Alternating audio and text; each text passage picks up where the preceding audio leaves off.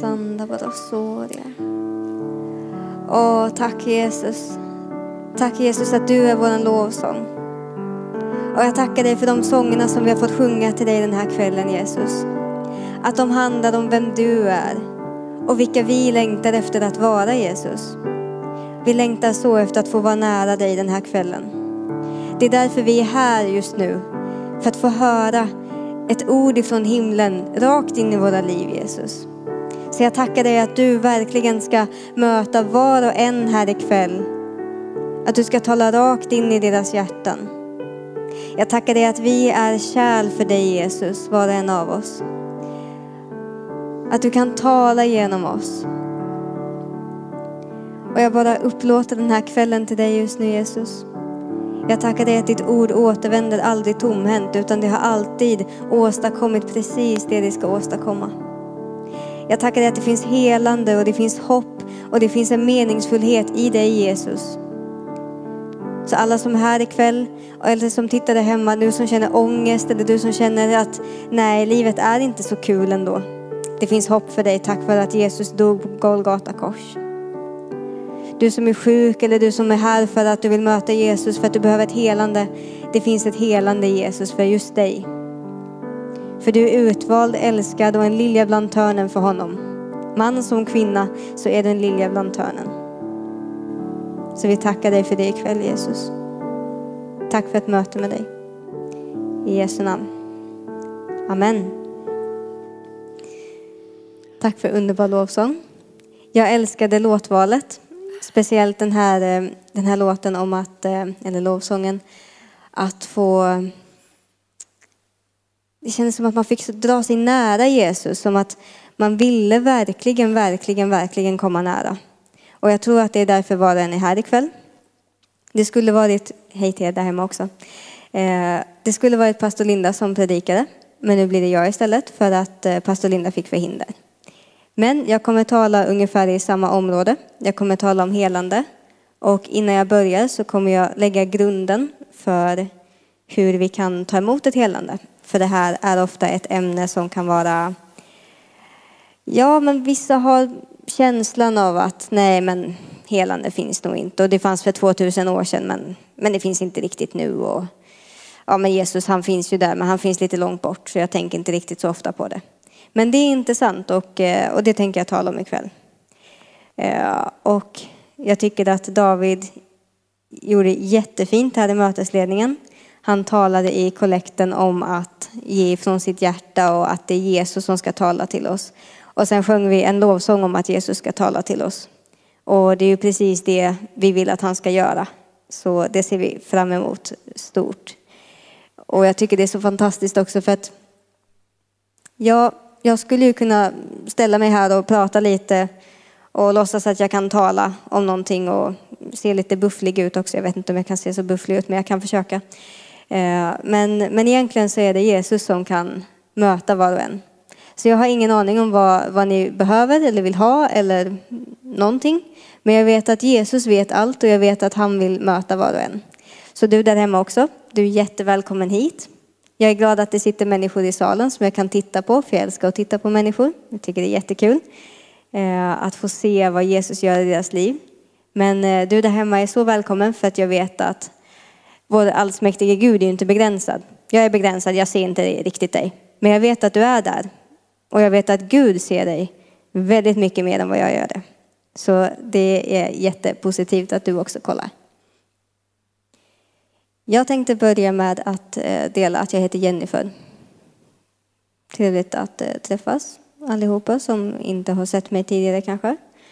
Eh, och igår kväll så talade Gud till mig om någonting i mitt eget liv. Och jag tänkte jag börjar att dela det. För att vi, vi kan skapa oss dåliga vanor. Eller så kan vi skapa oss bra vanor, positiva vanor som, som stärker vår relation med Jesus. Igår så åkte jag från jobbet. Jag kände mig lite, lite nere sådär, som att det hade varit en jobbig dag. Och eh, jag ville inte lyssna på Jesus utan jag gick och köpte två kilo godis, åkte hem och la mig i soffan och kände att ja, men det, här, det här blir bra. Efter ett kilo godis så, så mådde jag jätteilla och kände att ja, aj, det var inte så kul. Men, men det var värt ändå, för jag, visste, jag var ju väldigt ledsen, jag visste inte vad jag skulle göra. Eh, och jag tänkte ju såklart inte slå upp min bibel, så jag åt ungefär ett halvt kilo godis till. Och sen mådde jag riktigt illa. Och det var där någonstans jag började känna att varför gör jag det här? Vad, vad, är det här för vana? Vad är det här jag har fått in i mitt liv? Och varför gör jag det? Och då så såg jag att nej men det var lite uppror. Det var lite att, att jag behövde känna mig fri. Jag behövde få frigöra mig. Och tydligen så var min version av att frigöra sig att åka och köpa godis. Jag vet inte, andras kanske har andra saker. De kanske köper alkohol istället. Och, och där ser man att om vi inte får en god relation med Jesus, där vi också får goda vanor från vårt håll, så, så kan det vara svårt för honom att nå fram till oss. Och det är väldigt viktigt att tänka på, för att eh, ofta så tänker jag så här, alltså Gud har gjort allt för oss. Han dog på korset, han sände sin enda son som sen dog, som sen återuppstod. Och vi har fått allt i honom. Vi har fått ja och amen till precis alla löften som existerar i Bibeln som vi läser i.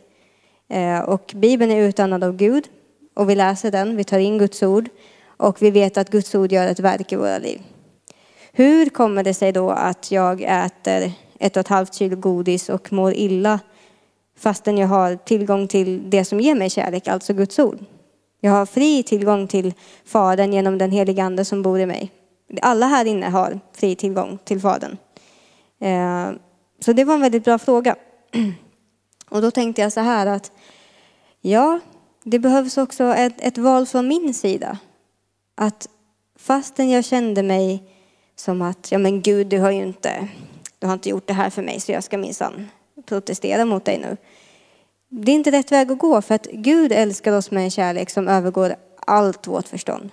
Vi kan inte med våra mänskliga tankar tänka hur mycket Gud älskar oss.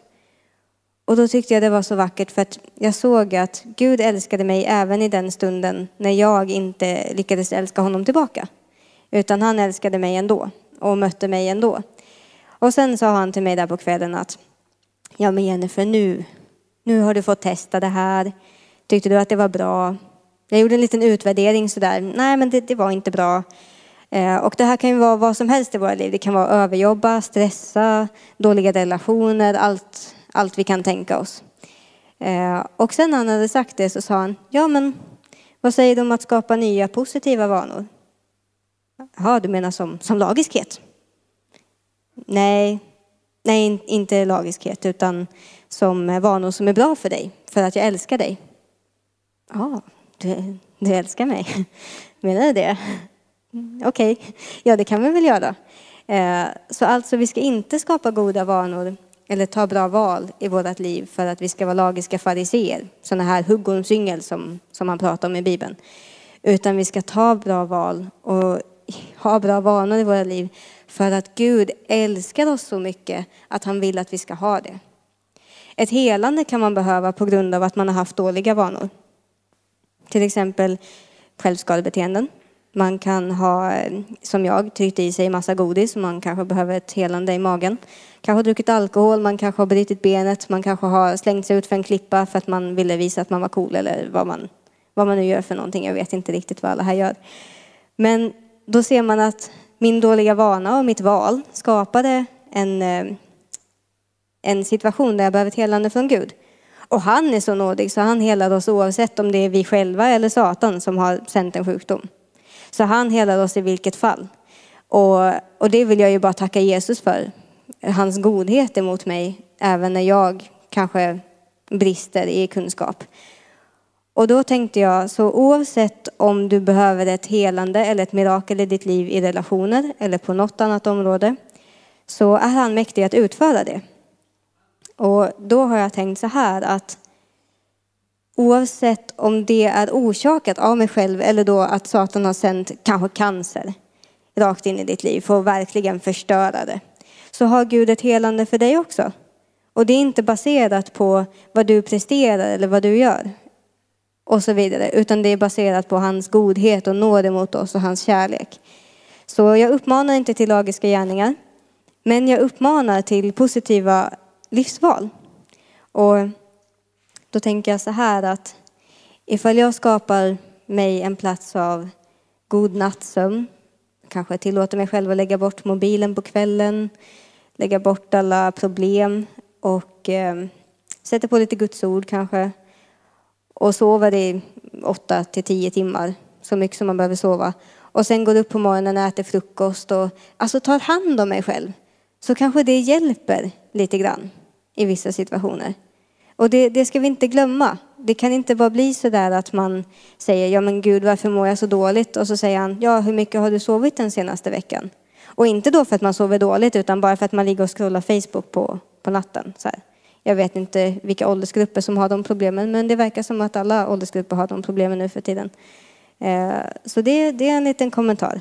Det var min inledning. Nu tänkte jag komma in i bibelordet. Och jag har jättemånga bibelord ikväll så jag hoppas ni har biblar med er så att ni kan kolla vad jag säger, kolla att det är bibliskt. Bra Violetta är ett exempel här. Så vi kan slå upp första Korinthierbrevet 12 och 3. Vers 3 till 10 kör vi. 12 och 3. Det står det så här. Därför ska ni veta att ingen som talar genom Guds ande säger förbannelse över Jesus och att ingen kan säga Jesus är Herre annat än i kraft av den helige Ande.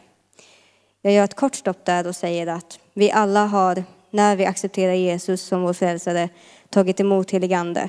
Så om vi någon gång tvivlar på det så kan vi säga Jesus är Herre. Och så kan tvivlet få blåsa iväg. Om vi går vidare. Det finns olika nådegåvor men anden är densamme. Det finns olika tjänster, men Herren är densamme. Det finns olika kraftgärningar, men Gud är densamme, han som verkar allt i alla. Men hos var och en visar sig anden så att den blir till nytta. Den ene får av anden ord av vishet, den andra får ord av kunskap genom samma ande. En får tro genom samma ande, en får gåvor att bota sjuka genom samma ande, en annan att göra kraftgärningar. En får gåvan att profetera, en annan att skilja mellan andar. En får gåvan att tala i olika slags tungomål, en annan att uttyda tungomål. Men i allt detta verkar en och samma ande som fördelar sina gåvor åt var och en som han vill. Med det, så, det bibelordet så vill jag säga att nu lägger vi en grund här i våra liv för att ta emot av Jesus. Och där ser vi att, okej, okay, var och en av oss allihopa, vi behöver inte ha jämförelse.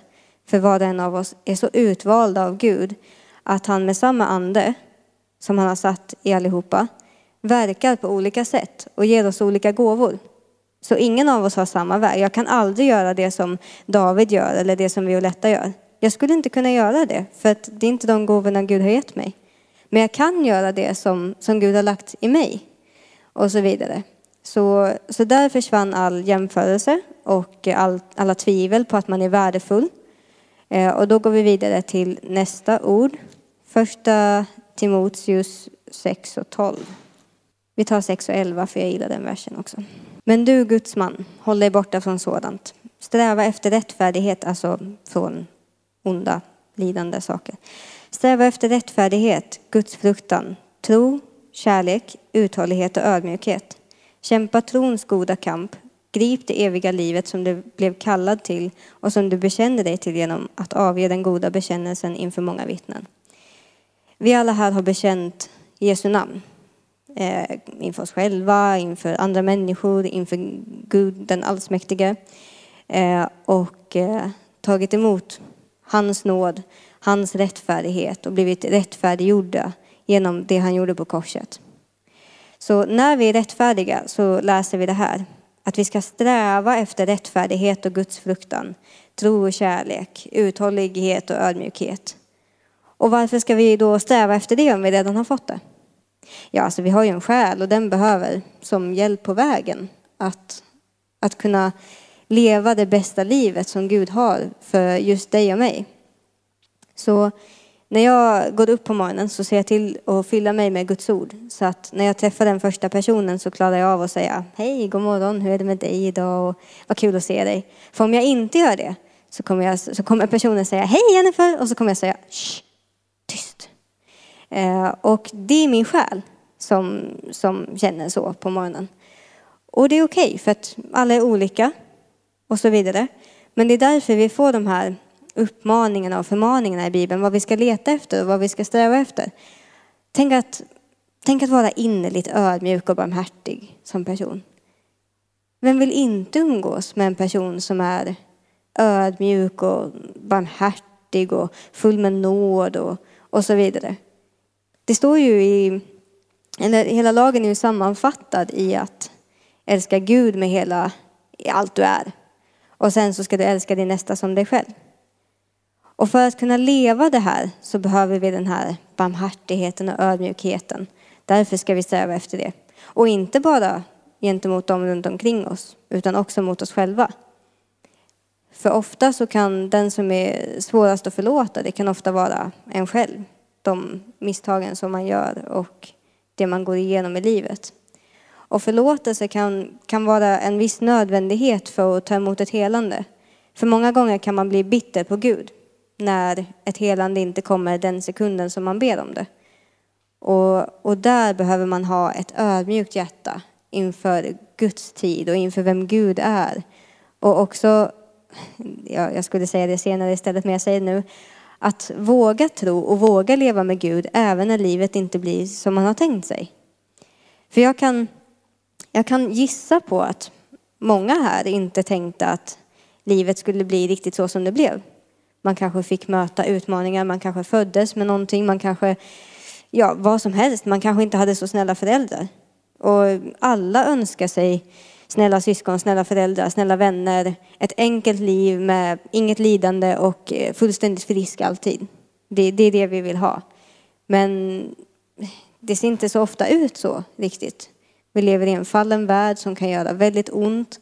Och, och jag tror att vi behöver mycket av Gud varje dag, hela tiden, för att vi ska klara av att leva i den fallna världen som vi lever i. Så så med det så tycker jag vi har börjat lägga grunden lite grann. Att Gud är allsmäktig och han vill gott för oss. Så då kan vi hoppa till Gamla Testamentet, till Jesaja 58 och 6.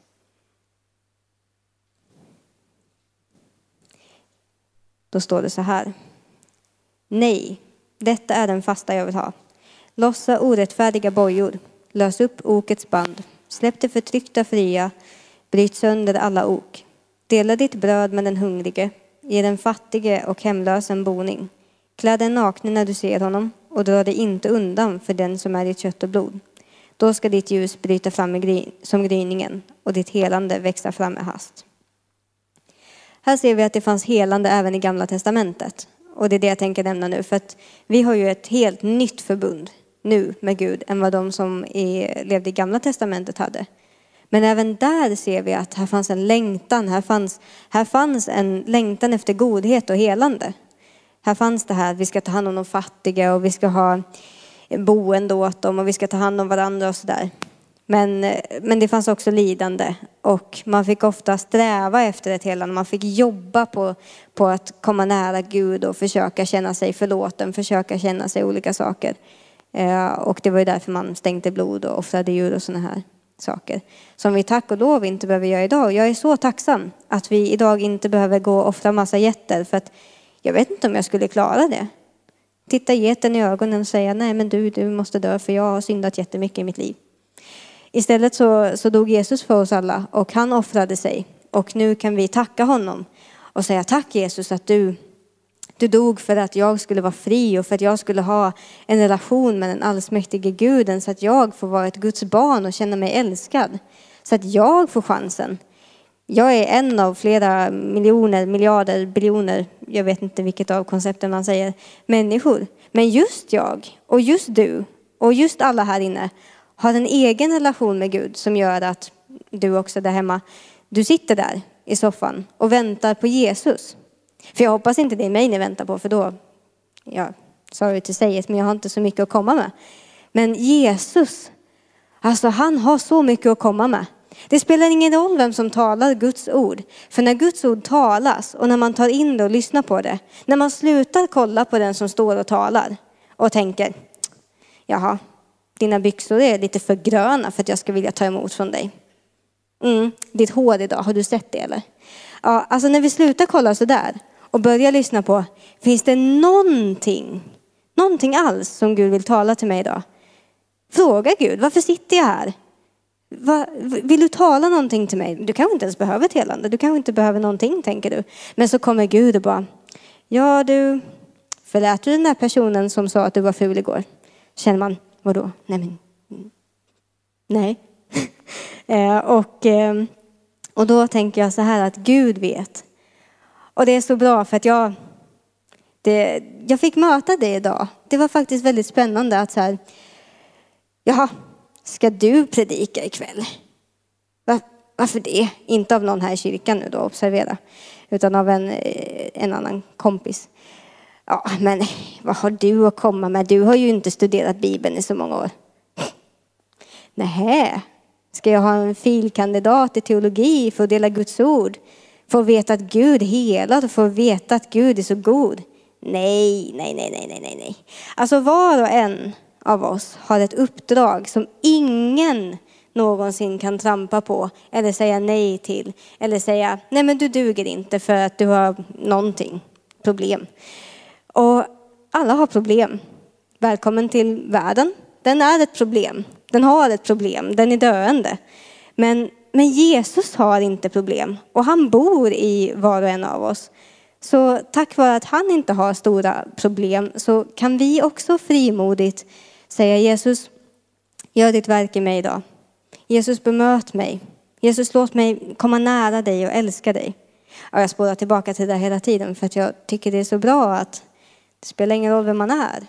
Ofta kan man känna att man inte duger. Att man jämför sig med andra.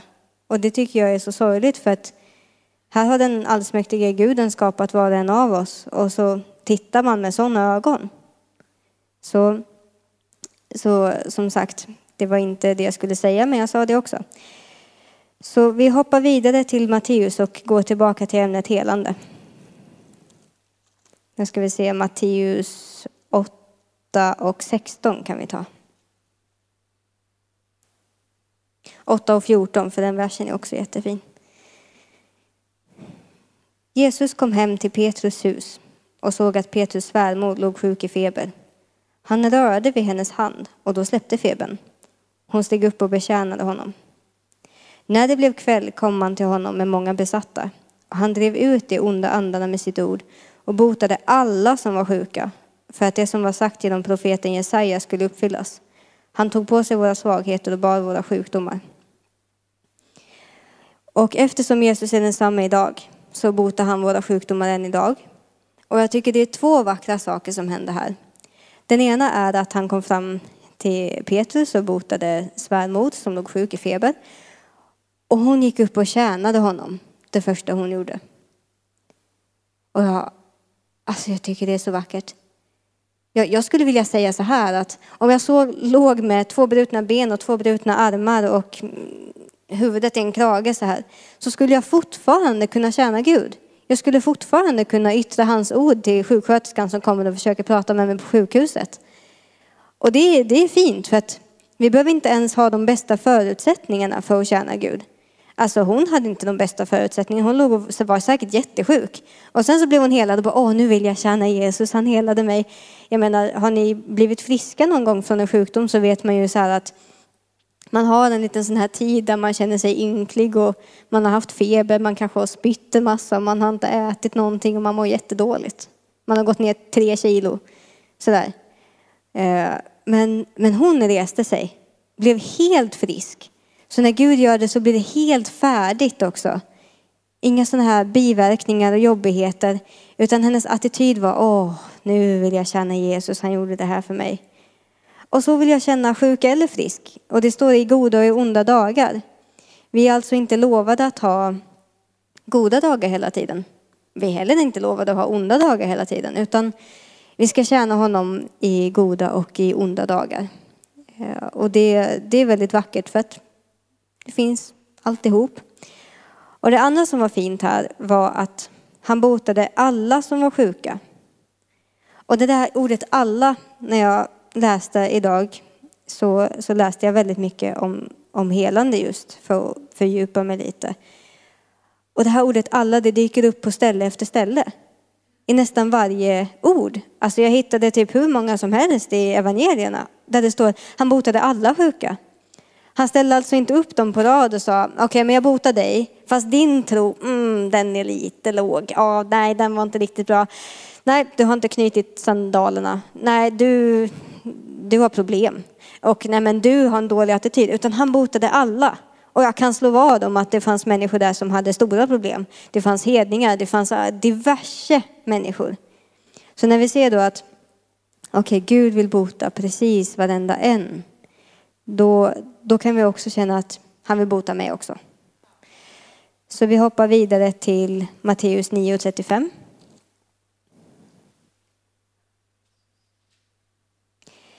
Jesus gick omkring i alla städerna och byarna och han undervisade i deras synagogor och förkunnade evangeliet om riket och botade alla slags sjukdomar och krämpor. När han såg folkskarorna förbarmade han sig över dem, för de var härjade och hjälplösa, som får utan herde. Och han sade till sina lärjungar, skörden är stor, men arbetarna är få. Be därför skördens herre att han skickar ut arbetare till sin skörd. Det här bibelordet, där ser vi att han botade inte bara alla människor, som det stod i förra bibelordet, utan han botade också mot alla slags krämpor och sjukdomar. Så oavsett vad det var, om vi har trauma, själsliga problem, ont i tån, levercancer eller huvudvärk, så, så botar han alltihop. För att han är en god Gud och inget ont finns i honom alls. Så han botar allt och mot allt och alla.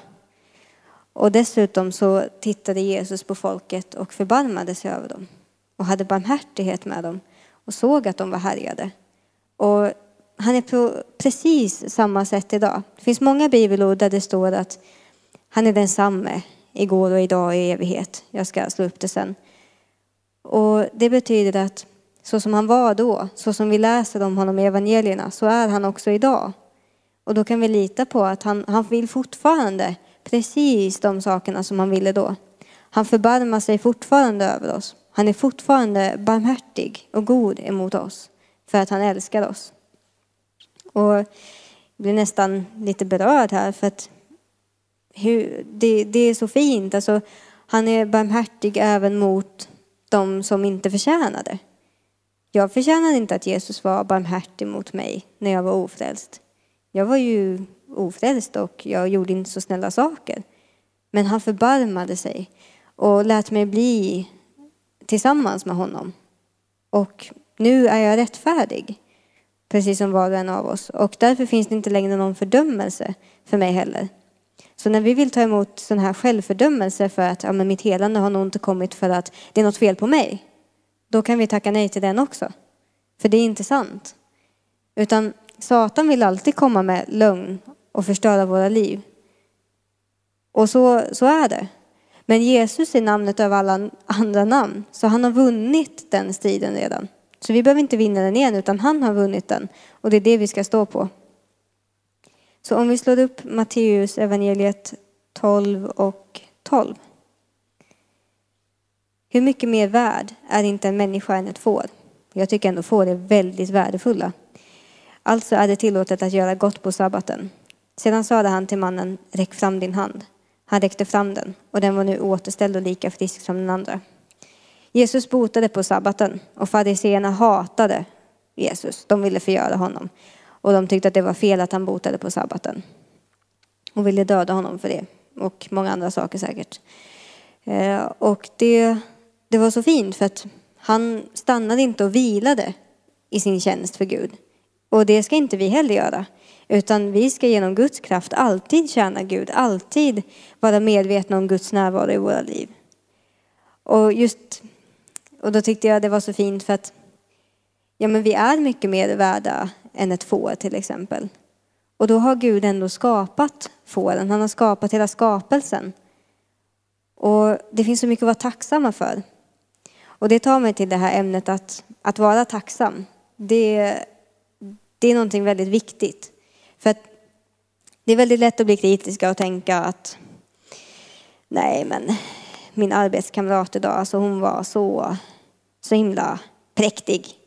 Och då hamnar man direkt in i förtal, man hamnar direkt in i negativa tankar.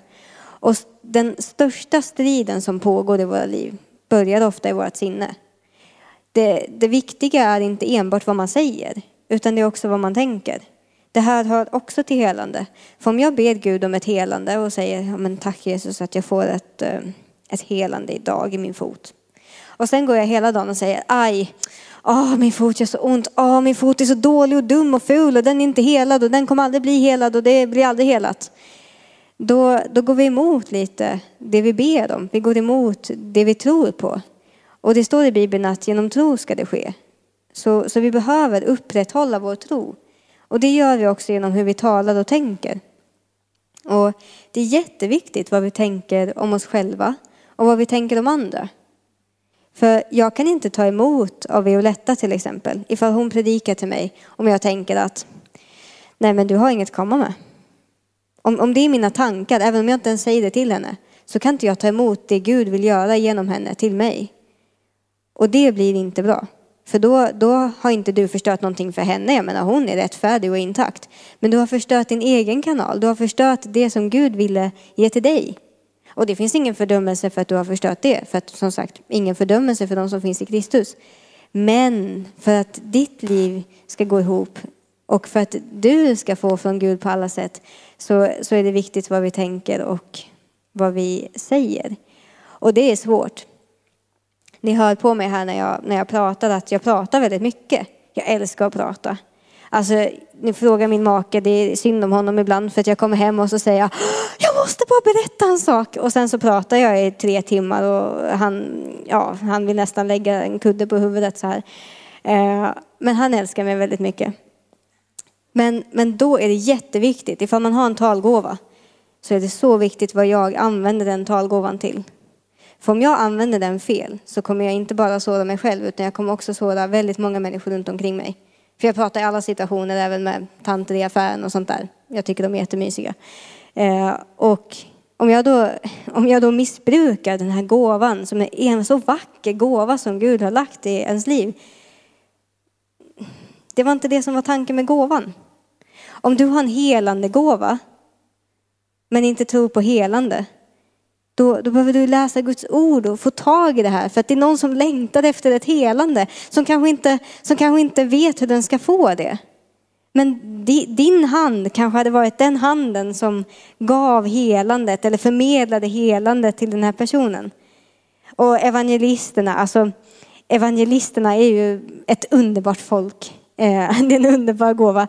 Personligen så tycker jag det är väldigt svårt att evangelisera på gatorna. Jag tycker det är kul och jag brinner för det, men, men det faller mig inte naturligt alla gånger. Men vissa kan ju bara ta emot Jesus. Jajamän, halleluja Jesus, jag tar emot honom. Den, den gåvan alltså, oj oj oj. Tänk om de skulle sitta hemma vid datorn och tänka att ja men Fifa, typ. Jag vet inte om man spelar det på datorn, men, men det kan man göra. Men inte enbart det. För att vi har blivit kallade till ett högre syfte. Och det måste vi ta i beaktande att Ja, oh, Gud, du kanske inte bara har kallat mig hit ikväll för min egen skull. Det kanske inte bara är för mitt eget helande. Utan det kanske är för att jag ska ta emot någonting som jag själv ska ge vidare. När jag tog emot någonting från Gud igår så tänkte jag inte, ja, nej men vad bra att jag fick det här.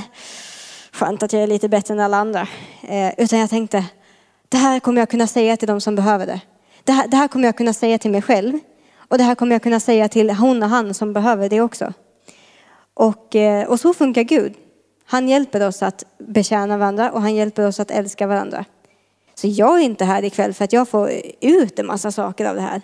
Utan jag är här ikväll för att om det finns någonting som Jesus lyckas säga genom mig, trots min egen kärlsmak, trots allting som jag är, så har jag inte varit här i onödan. Utan då har Jesus fått verka i någons liv tack vare mig. Om det så bara är en halv person så, så har han fått verka i den personens liv. Och så kanske han gör med er också. Ni kanske sänds till den personen som just nu funderar på att nej, mitt liv, det är värdelöst, jag tänker ta mitt liv.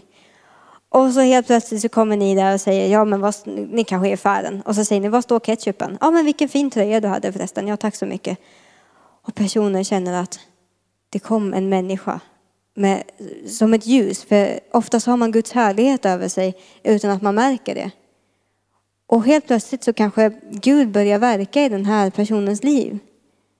Så vi vet aldrig vad, vad våra handlingar och ord och tankar kan betyda. Så därför så, så behöver vi hjälp att ta dem i beaktande och tänka på det här. Och jag tror att Gud är mäktig att göra det här verket i oss. Så vi går vidare till Matteus 14 och 36. Vi tar det också för att det är så bra. Vi tar från 34 för att det var också bra. När de hade kommit över sjön lade det till i trakten av Genasaret. Männen på platsen kände igen honom och sände ut bud i hela området. Och man förde honom, till, hon, förde honom till alla som var sjuka och bad honom att de bara skulle få röra vid hörntofsen på hans mantel. Och alla som rörde vid honom blev botade. Så här ser vi att, att Jesus botade folk, han botade alla och han botade alla krämpor. Och alla som rörde vid honom blev botade. Så om du just nu som är här eller där hemma behöver ett helande så, så sträck ut handen och rör vid Jesus. För nu bor ju han på vår insida. Så han är ju med oss hela tiden. Han var inte det då, utan då, då var han en fysisk person som gick runt så här och folk drog i hans kläder och blev helade. Men, men nu så, så bor han på vår insida så vi kan be till honom. Jesus, tack för ett fullständigt helande i min själ. Tack att jag ska slippa känna förkastelse. Tack att du hjälper mig genom den här dagen. Amen. Och helt plötsligt så hade jag kontakt med den allsmäktige guden som hjälper mig, som älskar mig. Jesus som är inte bara allsmäktig utan också min vän, min närmsta, allting. Han är allt samtidigt. Så så enkelt kan det vara. Och vi, vi kan göra det svårt, men, men det är egentligen enkelt på vissa sätt. Men det kan kännas svårt. Jag tycker vi ska slå upp Hebreerbrevet 13 och 8. Kanske. Eller så slår vi upp något annat brev. Nej, vi slår upp Jakobs... Nej, vi tar 13.8 först, det blir bra. Vi börjar med 13.1 för det var bra. Håll syskonkärleken levande. Glöm inte att visa gästfrihet. För genom gästfrihet har några fått änglar till gäster utan att veta om det. Tänk på dem som sitter i fängelse, som om ni var deras medfångar. Och på dem som blir misshandlade, som om det gällde er kropp. Äktenskapet ska hållas i ära hos alla och den äkta sängen bevaras obefläckad. För Gud ska döma dem som är sexuellt omoraliska och äktenskapsbrytare. Lev inte för pengar, utan nöj er med vad ni har. Gud har själv sagt, jag ska aldrig lämna dig eller överge dig. Därför kan vi frimodigt säga, Herren är min hjälpare, jag ska inte vara rädd. Vad kan en människa göra mig? Tänk på era ledare som har förkunnat Guds ord för er. Se vad deras liv har lett fram till och ta efter deras tro. Jesus Kristus är densamme igår, idag och i evighet. Låt er inte föras bort av alla slags främmande läror. Det är gott att bli styrkt i sitt hjärta genom nåd och inte genom regler om mat som inte har hjälpt dem som har sysslat med sådant. Här var så många fina saker i det här bibelordet att jag vet knappt var jag ska börja. Här ser vi att om vi har gästfrihet så kanske vi får änglar på besök. Bara där känner jag att det här är ju fantastiskt. Men, men det som jag tycker är så fint här är att Gud är inte orättvis. Utan trots att vi har fått all den himmelska nåden så, så dömer han fortfarande synd. Alltså han dömde synden när Jesus dog på korset. Och det är ingenting negativt. Det är ingenting som ska leda till självfördömelse och självhat. Utan det är någonting, för om han inte gjorde det så skulle han vara orättvis. Då skulle han tillåta all slags ondska, all slags synd. Och så är inte Gud. Han kan inte vara nära synd. Han är helig, som vi sjöng här innan också. Att det här är helig mark. Vi är i, i kyrkan just nu. Det här är helig mark för Gud. Och han är helig hela tiden. Och därför ska vi också vara heliga. Det står dessutom att vi ska vara heliga för honom. Eh, och jag blev väldigt glad när jag läste det här för att våldtäkt är ett laddat ämne att prata om. Och det är helt fruktansvärt. Många kvinnor har varit med om sexuella trakasserier såsom tafsande eller våldtäkt eller liknande. Och det är, ett, det är hemskt. Det är svårt att förlåta, det kan vara svårt att gå vidare, det är traumatiserande. Det är hemskt på jättemånga nivåer. Men Gud är rättvis. Så det är inte så att den sexuella synden går ostraffad, även om personen blir frälst och får nåd. Utan Gud är fortfarande rättvis. Han slutar inte vara det. Och det uppmuntrade mig väldigt mycket när man ser lidande barn som lider eller hundar som lider och allt, allt det där. Ehm, och det här är ju det mest uppmuntrande. Jag ska aldrig lämna dig eller överge dig. Därför kan vi frimodigt säga, Herren min hjälpare, jag ska inte vara rädd. Vad kan en människa göra mig? Och det är så vackert. För Gud ska alltså aldrig lämna oss eller överge oss. Om man bara lyckas greppa det bibelordet av alla bibelord i hela Bibeln, att Gud aldrig ska lämna en, då har man det. Då har man fått det. Då, då har man någonting man kan stå på i resten av livet. Och jag är helt säker på att det räcker. Och det här med att Herren ska vara min hjälpare och att jag inte ska vara rädd. Och vad en människa kan göra, det är också väldigt bra att få greppat för att vi lever runt människor hela tiden. Människor som kanske inte tror. De kanske inte tror på helande. De kanske inte tror på Gud de, och så vidare och så vidare. Och det kan bryta ner våran tro. Att vi måste, vi, vi, vi spenderar ju livet med olika människor. Men vi ska hålla våran tro intakt oavsett vad människor tycker och tänker och säger. Och då, då, tycker jag att det här kan hjälpa väldigt mycket för att en människa kan inte göra mig någonting ont som, som kan bryta ner mig så mycket. För att oavsett vad någon gör mot mig, om jag så hamnar i fängelse, blir slagen, misshandlad, jag vill inte bli det, tack Jesus. Eh, eller om jag blir våldtagen, jag blir traumatiserad av mina föräldrar, jag blir knivhuggen, vad som helst, så är det en fruktansvärd situation. Men en människa kan aldrig ta min själ ifrån Gud. En människa kan aldrig stänga av min relation eller min kontakt med Gud. Så i slutändan så är det det sista och det viktigaste vi har. Om jag så förlorar mitt hem, mina pengar, många här kanske har dåliga ekonomiska situationer, så har jag fortfarande den här kontakten med Gud. Och om vi börjar vara tacksamma för den, om vi börjar tacka Gud, då kan jag lova att livet kommer bli så mycket lättare att leva. Du kommer kunna andas igen och det kommer bli så mycket bättre. Och det här är inte för att just tacket är någonting fantastiskt utan det är för att när vi tackar Gud för det goda som han ger oss och fäster blicken på honom istället för våra tomma plånböcker eller vad det nu kan vara så, så börjar det här utveckla sig till en tro att det ska bli bättre. Och det börjar utveckla sig till att vi litar på Guds alla namn såsom Herren vår försörjare och alla, alla de här sakerna. Så det, det är positivt att tacka. Vi går vidare till Jakobs brev 1 och 2. Räkna det som ren glädje mina bröder och systrar när ni råkar ut för olika slags prövningar. Ni vet ju att när er tro prövas ger det uthållighet. Och låt uthålligheten leda till fulländad gärning så att ni är fullkomliga och hela utan brist på något sätt. Om någon av er brister i vishet ska han be till Gud som ger åt alla villigt och utan att kritisera och han ska få. Jag skulle egentligen haft det i inledningen att eh, ja, men jag har ju brister i visheten men jag har bett till Gud så jag litar på att han, han kommer och fyller upp det jag saknar. Och, och det här är väldigt fint för att Gud ser på oss utan brist tack vare att vi är rättfärdiggjorda i Jesus. Så när han kollar på oss så ser han Jesus och vad han har gjort. Och därför när vi kollar på våra egna brister eh, så, så kan vi istället börja tänka Guds tankar.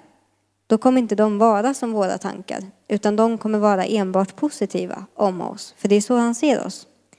Och det här sista tycker jag är det bästa här för att om vi brister i vishet under dagen på arbetet eller på, i skolan eller vad vi gör i våra liv så kan vi be till den allsmäktige guden och så kommer han att ge oss vishet. För att han ger åt alla villigt och utan att kritisera. Och just det där sista utan att kritisera, det, det, det är så fantastiskt bra att han vill göra det. Och då tänkte jag också, jag har skrivit här att tvivel kommer inte från Gud. Och jag kommer inte slå upp det nu men, men jag kan säga det att tvivel om helande eller tviveltankar kommer aldrig från Gud någon gång.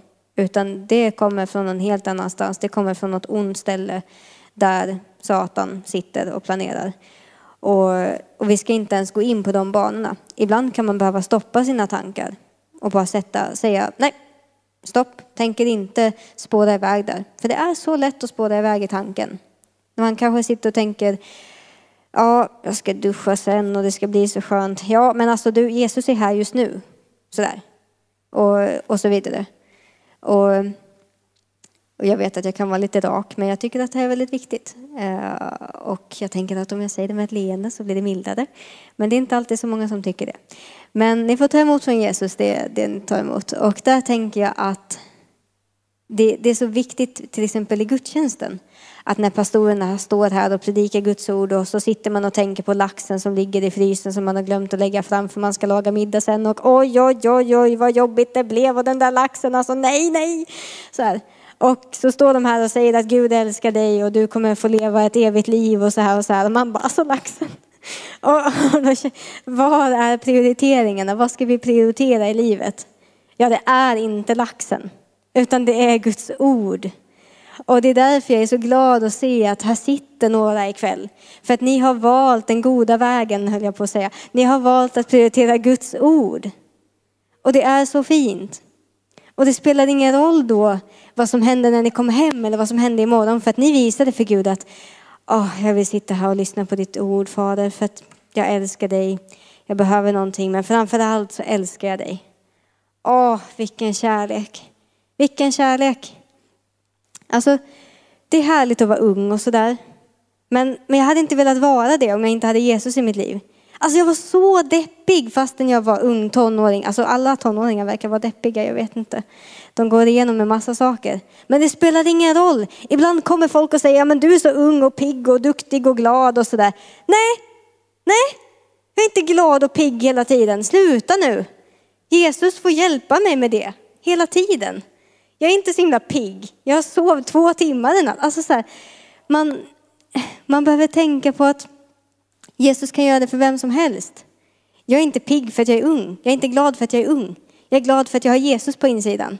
Det finns massor av unga, som, uh, unga människor som inte är pigga eller glada. De är jättedeprimerade. Och så är det med äldre också. Om jag så vore 75 och gick så här och kände att livet var jobbigt så skulle jag ändå vara glad för jag hade haft Jesus i mitt liv. Och det finns jättemånga som inte har Jesus i sitt liv. De har ingenting att vara glada för. De ser hur världen går rakt stup ner och ska, de, de vet inte ens att världen ska återfödas. Utan de tänker bara att det är kört. Titta där är krig. Här är svältande barn. Här är sjukdomar. Ja, nu fick jag njursten också. Alltså, det, det är det som man kan tro att man har att se fram emot. Men vi har någonting så mycket mer att se fram emot. Så fastän jag skulle ligga på sjukhuset och vara jättesjuk. Alltså det bästa mötet jag hade med Jesus var när jag var jättesjuk. Jag låg på sjukhuset och hade slitit upp mina handleder och eh, försökt ta livet av mig. Och där fick jag ett möte med Jesus. Där han berättade för mig att Jennifer, nu är det dags att komma till mig. Och det var den bästa stunden i mitt liv. Den där veckan på sjukhuset var den bästa veckan i mitt liv. Jag hade ont, det var jobbigt, folk var arga på mig, jag var deppig och sånt där. Men jag hade fått ett hopp. Det spelade ingen roll om jag var sjuk eller sådär, utan jag hade fått ett hopp hos Jesus. Bara på en sekund så blev mitt liv meningsfullt. Så om du känner hopplöshet, någon som sitter där hemma kanske, så, så är det inte hopplöst. För Jesus dog för att det inte skulle vara det. Så även om du är sjuk, om du går igenom svårigheter, om du går igenom en skilsmässa och det känns som att du har älskat den här personen och lagt tid på den här personen, vad som helst.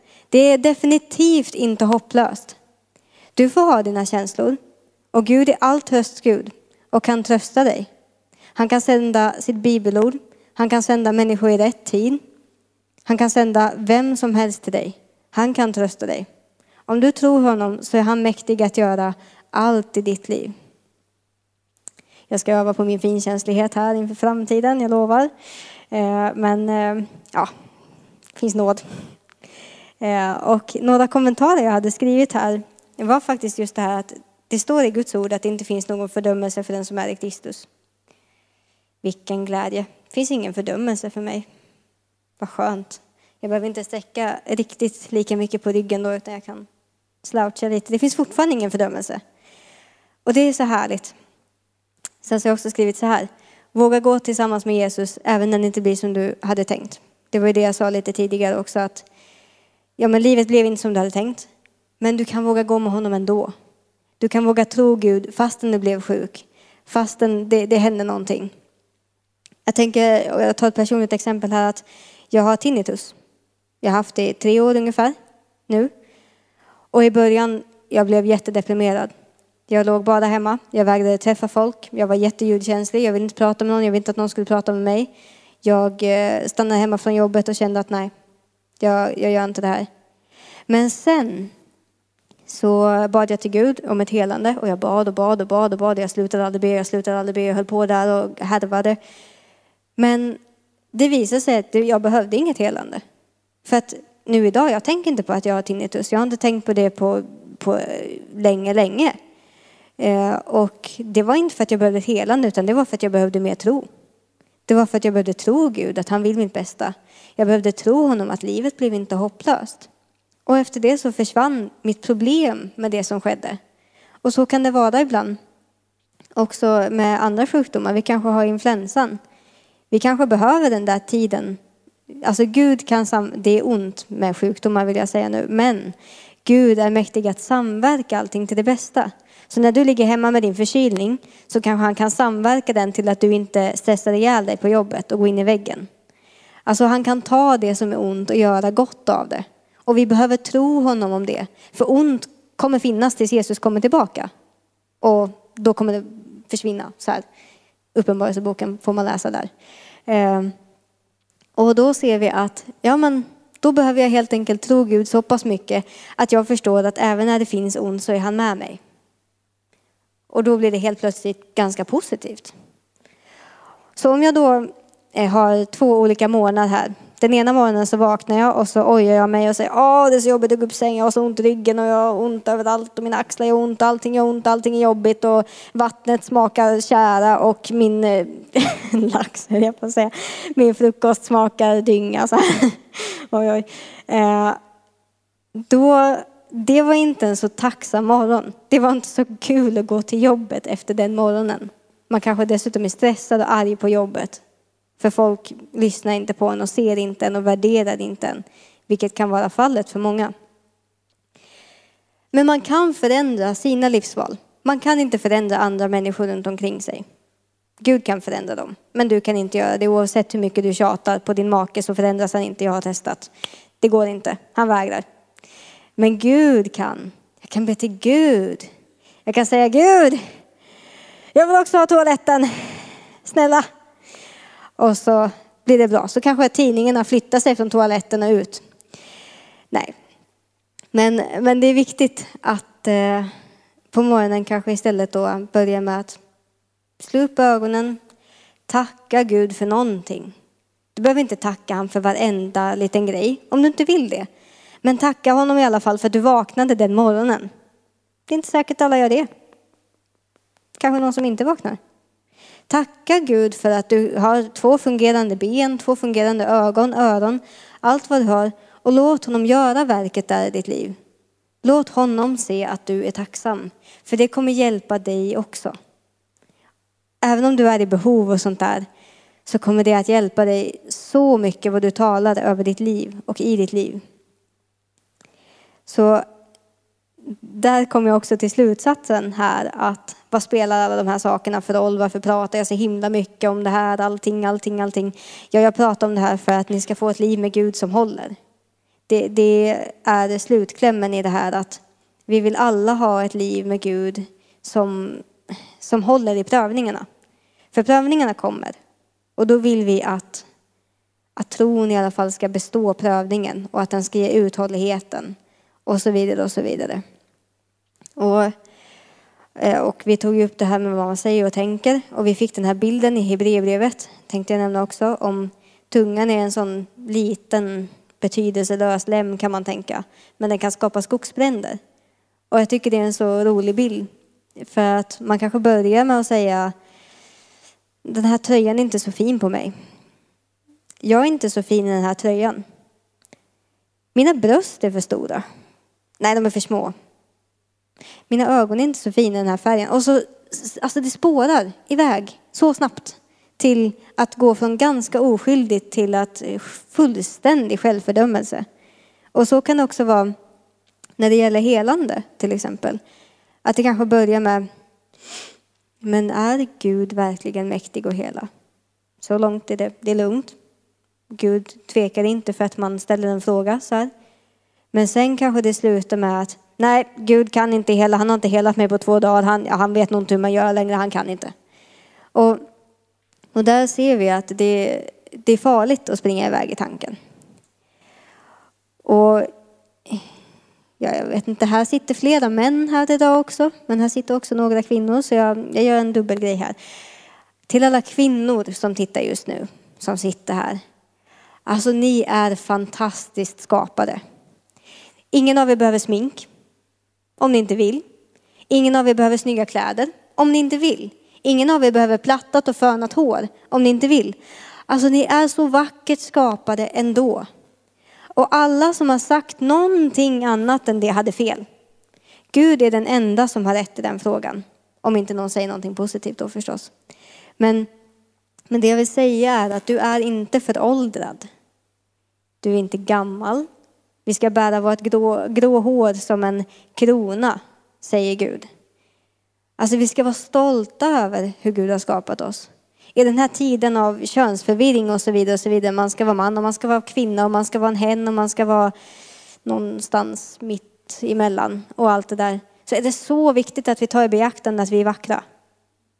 För Innan jag blev frälst så ville jag att eh, kvinnor skulle ha mer rätt än män för jag tyckte att de var så himla undertryckta och jag tyckte att män var sådana hemska personer. Jag hatade alla män så här. Många kvinnor har det problemet tyvärr när de växer upp. Eh, och jag var så arg och jag ville bara så här. Och sen gifte jag mig och jag bara nej.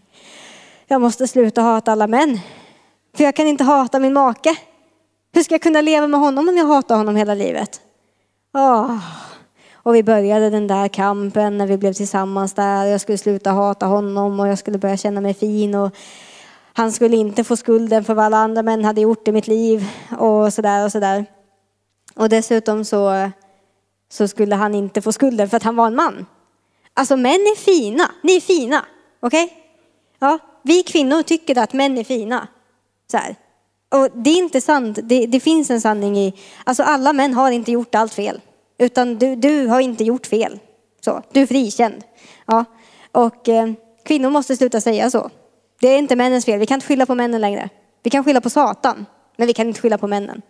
Helst ska vi inte skylla på någon. Helst ska vi så här, ja, men, göra upp med Gud, tänker jag. Men, men det jag ville säga med det var att ni, nej, men ni män, ni är stiliga. Ni är fina, ni är skapade av Gud. Och vi kvinnor är vackra och skapade av Gud. Och vi ska inte få någon Alltså ingen ska få låta oss känna på ett annat sätt. Och där behöver vi klä på oss den andliga vapenutrustningen. För det har väldigt mycket med andlighet att göra. Om jag inte känner mig fin så kan inte jag riktigt stå här framme och predika för er. För att då kommer jag hela tiden känna att jag måste gömma mitt ansikte. Oj, ja, jag måste gömma mitt ansikte. Jag måste ja, men, sträcka på mig eller jag, må, jag borde vara längre och jag borde vara det här. Det är det som jag hade tänkt på om jag inte hade känt mig fin och godkänd av Gud. Och så är det för alla. Om vi inte känner oss fina på jobbet så blir det väldigt mycket att vi jämför oss med alla andra. Och då kommer vi känna hela livet att vi inte duger. För det kommer alltid finnas ett kinesiskt underbarn som är bättre på piano än vad alla andra är. Det kommer alltid finnas någon som är bättre på att åka skidor, någon som är bättre på att sjunga, någon som är bättre på datorer, någon som är bättre på Excel-program, någon som är bättre på allting du gör. Det kommer alltid finnas någon. Det kommer alltid finnas en person du kan störa dig på som har lite snyggare hår än vad du har, lite perfektare, ja men allt. Så, här. så därför så är inte svaret att, att försöka förminska alla andra för att du ska bli större. Utan svaret är verkligen att låta dig bli älskad av Gud. Så jag tänker att det är lite det jag vill få fram här ikväll. Att svaret är aldrig att leta i allt det yttre och leta felet till varför man inte blir helad, leta felet till varför man inte föddes med bruna ögon istället för blå. Eller leta allt det här. Utan svaret är, fråga Gud. Tala till honom och låt honom tala till dig. Kolla i hans ord vem du är. Och livet kommer vara lättare. Och jag tänkte att vi nu på, på slutet här skulle ha lite, nu har jag pratat så länge att jag nästan tappar rösten. Jag tänkte att vi skulle ha lite betjäning här på slutet eh, och bara be ett tag, spela lite lovsång och prisa Jesus tillsammans. Om det är någon som vill ha förbön ikväll så kommer David att få be för er. Då kan ni komma fram och ställa er här så, så kommer han att be. Och jag är hundra procent säker på att jag inte kan möta någons behov här inne och inte David heller. Men jag är hundra procent säker på att Gud kan möta alla behov. Så jag vill uppmana alla att vara frimodiga. Om ni har någonting, vad som helst, även om det är litet eller stort. Alltså var frimodiga inför Gud och kom till honom med era önskningar. Kom och bulta på dörren som det står och den kommer öppnas. Det spelar, det spelar ingen roll vem som, vem som är kärlet som gör det. Utan det är mötet med Gud som, som man behöver. Så jag tänker att vi ber och David du kan komma och ställa dig och Violetta också om hon känner för det. Och så kan vi ta lite förbön och lite flöde tänker jag. Tack Jesus. Kyrie sando brosoria, kendo brosoria sondo. Ja Jesus, jag tackar dig för alla de orden som kom fram ikväll. Jag tackar dig att de som är där hemma Jesus ska få någonting speciellt för dig. Att de ska känna i sina hjärtan att åh, oh, jag vill komma närmare dig just nu. Jag ber att det jag predikar det här ikväll, att det ska ha talat till någon. Att vi ska lyckas greppa det du säger i ditt ord Jesus. Att det är ditt ord vi längtar så, så mycket efter. Och vi längtar efter svaret på, på alla de här frågorna som kan finnas på insidan. Och vi längtar efter svar, Jesus. Varför blev det så här? Vem är jag? Vad ska jag göra i mitt liv? Varför blir jag inte helad? Jesus, du har svaren på alla frågor som kan komma. Och jag ber just nu att du kommer med din frid, Jesus. Inte den frid som världen ger, utan din frid. Att var och en här får känna att den är älskad av dig. Att du får komma och bemöta oss, Jesus, att du får visa för var och en av oss att vi är älskade. Och jag tackar dig Jesus att det finns helande i dig. Att vi frimodigt kan komma fram till dig. Tack Jesus. Ja, Jesus talar till någon just nu om förkastelse. Du ska äntligen få bli fri ifrån det som förkastelse har gjort i ditt liv. Du har inte känt dig godkänd. Du har inte känt dig älskad. Och du har känt att allt du gör är fel. Men Jesus har någonting annat att säga till dig. Och det är att du är fullständigt godkänd och älskad av honom det finns ingen som kan kasta bort dig. Utan han har skapat dig med ett uppdrag och för en tid som denna. Han har skapat dig i rätt tid. Och han har lett dig och satt dig på rätt plats. Och du har helig ande i dig. Du hör det från honom. Du behöver aldrig igen tvivla på att du hör Guds röst. För det gör du. Det är inte bara andra som hör Guds röst. Du kan också höra honom.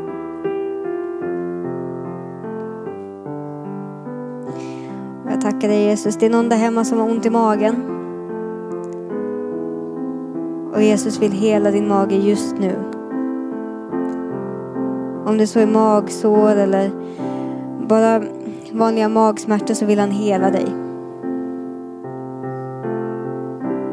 Han har fullständigt helande i sina händer. Just för att de är sårmärkta så kan du bli helad. Tack Jesus.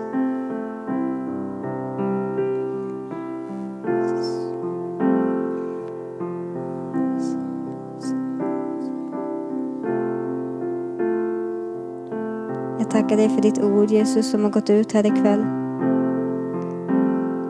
Att det inte ska komma tillbaka tomhänt. Utan att du ska göra ett verk i livet på de människor som verkligen behöver din hand i sitt liv just nu. Kanske någon som har kommit på helande dagar. Kanske någon som har kommit hit för lite gemenskap. Men också behöver verk i sitt liv, Jesus. Vi behöver alla en gemenskap och en närhet till dig. Så låt oss få se ditt ansikte på ett sätt med lite mer uppenbarelse Jesus. Låt oss komma lite närmare dig ikväll än vad vi redan är. Och vi vill också berätta för dig just nu att vi älskar dig så mycket Jesus. Att det är dig det handlar om. Tack att vi får prisa dig. Vi är så tacksamma för vad du har gjort i våra liv och vad du gör i andras liv Jesus. Om det finns någonting att förlåta som jag behöver förlåta någon för så lyfter jag upp det just nu inför dig Jesus. Vi förlåter dem som har gjort oss ont. De som har sagt saker för att skada. De som har gjort saker mot oss. Vi bara förlåter just nu. För när vi förlåter så är dörren öppen rakt in i våra liv. Att du kan förlåta oss Jesus. Tack att du förlåter oss alla våra synder. När vi har syndat i tanke, ord eller handling gentemot dig. Tack att du har förlåtelse för det. Tack att du har gjort vägen för oss, att vi igen kan ha kontakt med Gud, Jesus. Att du har gett oss hopp och mening.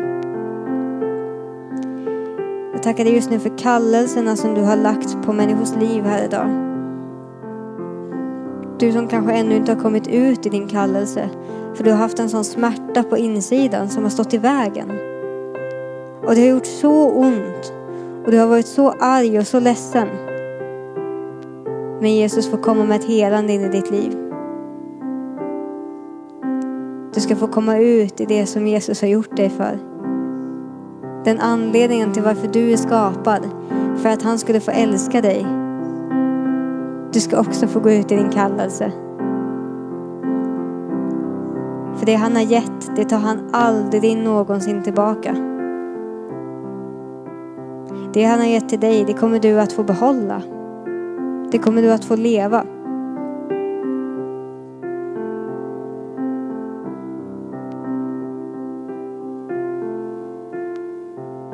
Jesus, jag tackar dig att du är helig.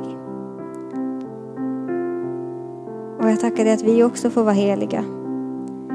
Att vi får bära din härlighet på insidan. Att vi får föregå med ett exempel i våra liv. Och vi vill vara sådana goda exempel på Kristi kärlek till varandra och till våra medmänniskor Jesus.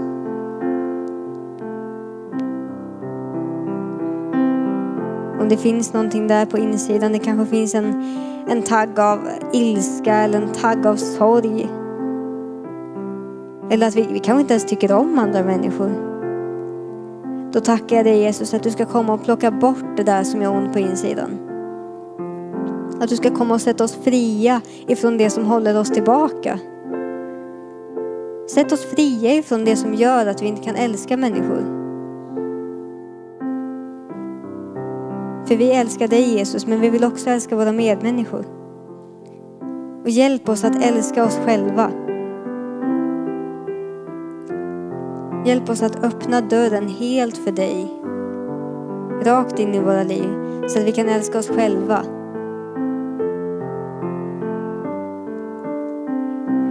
Jag ber för alla kvinnor här inne just nu, att de ska känna sig vackra och att de ska känna att de har ett uppdrag som ingen kan ta ifrån dem. Att de ska känna sig viktiga. Jag bara välsignar alla äktenskap. och pojkvän och flickvän-relationer just nu i Jesu namn. Jag välsignar också de som kanske letar efter någon och längtar efter någon. Jag tackar dig att du sänder rätt person. Att det inte ska bli några krossade hjärtan Jesus utan det ska bli rätt person från början.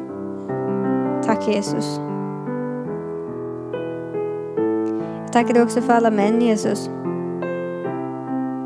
Att du har skapat dem till någonting storslaget. Att du har någonting på deras liv. Du har någonting på varje liv Jesus. Och ingen man ska känna sig fel bara för att han är en man. Utan han ska få känna att du skapade honom till en man Jesus. Du skapade honom med syfte. Det finns ingen fördömelse för män. Han ska bli satt fri från alla tankar som har snurrat där inne. Är det fel? Sa jag fel? Gjorde jag fel nu? Nu ska du sätta honom fri Jesus. Kalla honom att vara den gudsmannen som han ska vara. För det är någonting vackert att vara en man av Gud.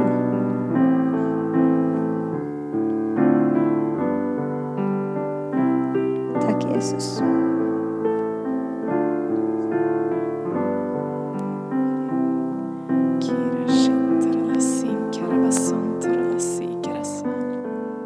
Jag tackar dig Herre för att du har samlat dina barn här ikväll. Jag tackar dig Fader för att du har dragit dem närmare ditt hjärta med din kärlek. Tack Jesus.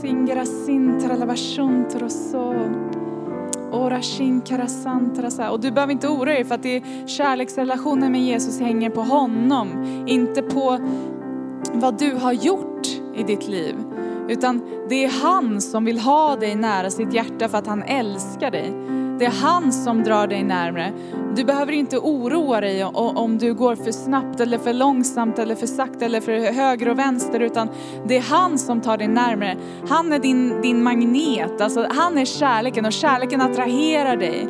Så det är han som tar dig framåt, det är han som tar din hand och han omsluter dig på alla sidor. Det är inte du som behöver omsluta dig själv på alla sidor och försöka stå emot alla djävulens angrepp, utan det är han som beskyddar dig. Han sätter som en bubbla, han sätter en krona på ditt huvud. Och den kronan och den frälsningens hjälm, det är inget litet. Det är inget litet du har fått, utan du har fått något otroligt stort. Det finns ingenting annat som kan skydda dig från djävulens attacker. Det är bara Jesus kärlek, Jesus vapenutrustning.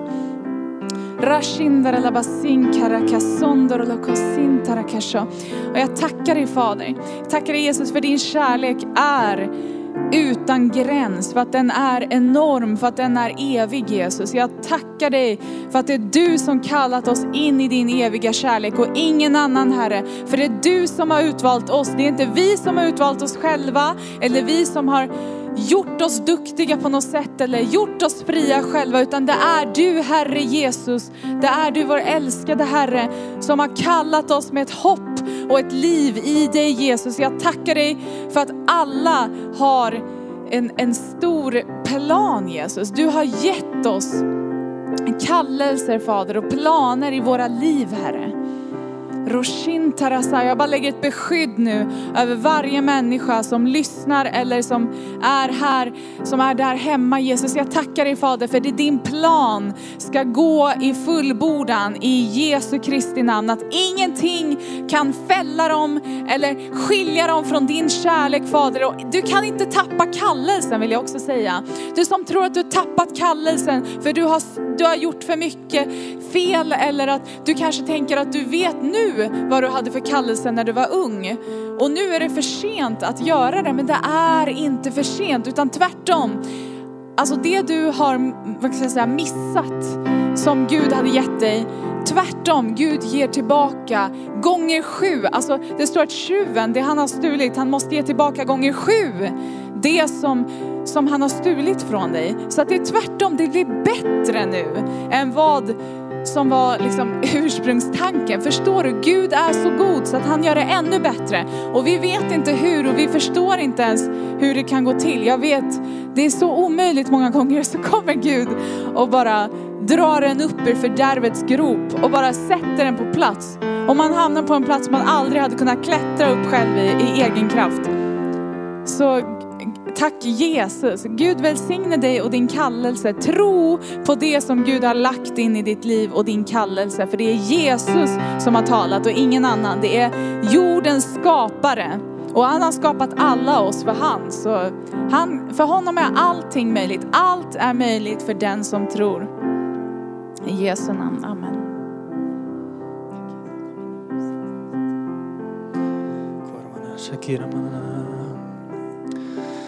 Tack Jesus. Jag, jag ser att det är någon som har mycket strid i sitt liv. Eh, eller eh, som känner att, liksom att det är väldigt jobbigt. Eh, och Gud tar den striden för dig nu. Han har, han, har, han har vunnit striden. Han vann den för 2000 år sedan på korset. Så att striden är redan vunnen. Du behöver inte strida någon strid. Han tar den och strider din strid för dig. Så genom honom så har du seger. Genom honom så har du seger. Det står på så många olika ställen i Bibeln att men Gud vare tack som ger segern i vår Herre Jesus Kristus. Och, men Gud vare tack som, genom, som alltid för oss fram genom, i Kristi segertåg och överallt sprider sin kunskaps väldoft. Och men, Gud, och, men, Gud, men i allt detta vinner vi en överväldigande seger genom honom som älskat oss. Så att det finns så många löften där att du har seger. Så stå på de löftena, ta emot det. Du har seger. Sen ser jag också att det är någon som känner att jag bär på så mycket skräp. Jag har så mycket skräp i mitt bagage. Är jag verkligen godkänd? Alltså duger jag verkligen? Eller, jag känner mig så smutsig men Gud tar det nu för dig. Du är godkänd, du är rättfärdiggjord. Rättfärdigförklarad. Det spelar ingen roll vad du har gjort. Du är godkänd. När du tagit emot Jesus i ditt hjärta så är du godkänd, punkt slut. Det finns inget du kan göra, ingenting du kan tänka, ingenting du kan känna som gör att du inte är rättfärdigförklarad. Du är rättfärdig, punkt slut. Tack Jesus.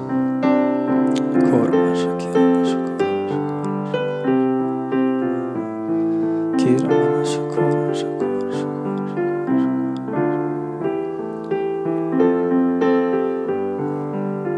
Drömmarna som du har i ditt liv, de är inte fel. Du som har haft tankar på att, nej men tänk om mina drömmar är inte i linje med Gud.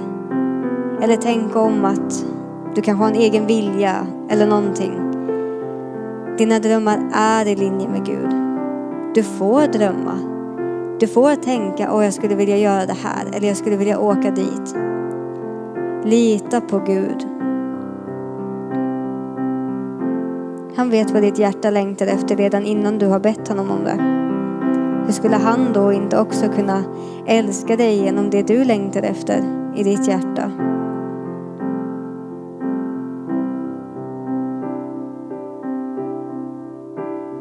Det är någon här ikväll som verkligen behöver få höra att det finns seger. Att det är inte kört för att livet ser ut som, som det gör, utan det finns fortfarande en mening. Och den meningen heter Jesus. Han dog inte bara för att du skulle bli återförenad med Gud.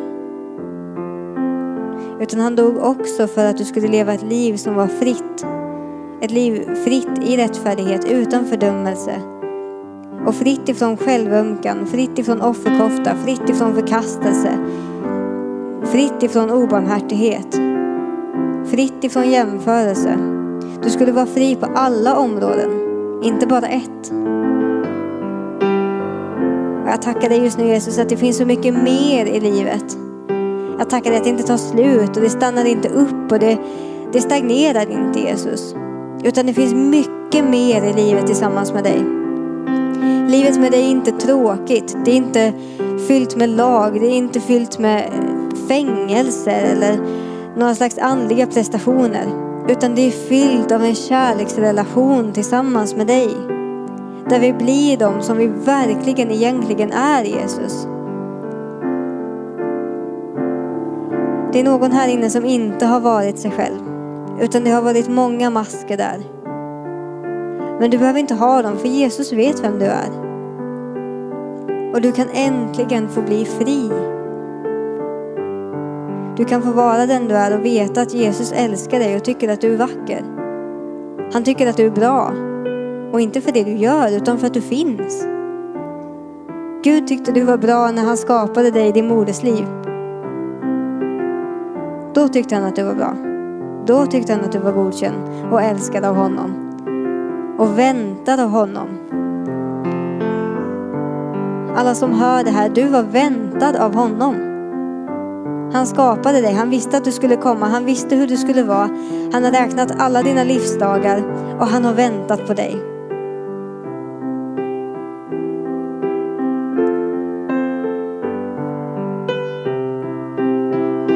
Ja, vi låter det här sjunka in Jesus.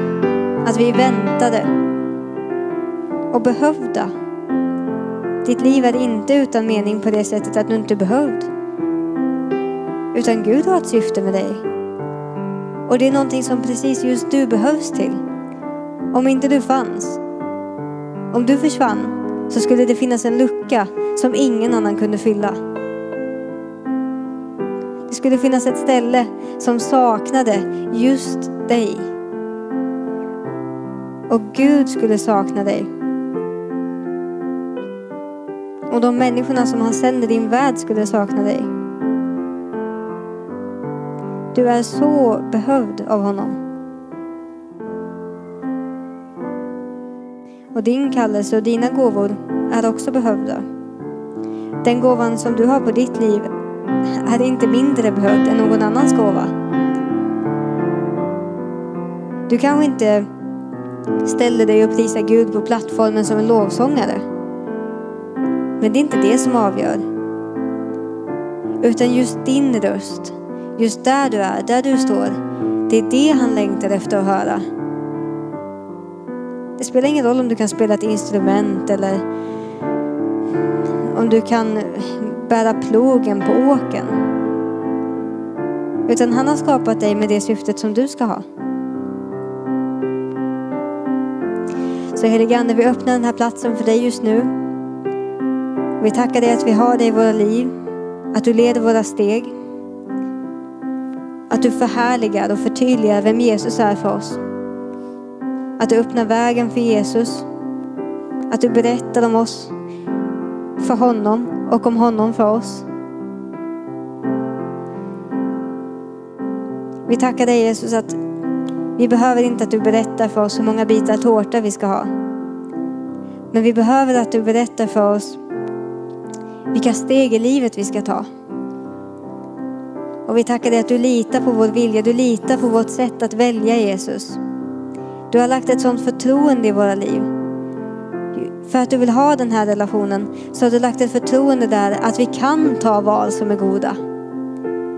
Jag bara välsignar alla våra val just nu. De valen som vi går igenom i livet varje dag. När vi vaknar upp på morgonen, när vi går till jobbet, när vi är hemma. Varje gång vi tar ett val Jesus så bara tackar jag dig att du ska vara med i det. Att du ska visa vägen. Tack Jesus.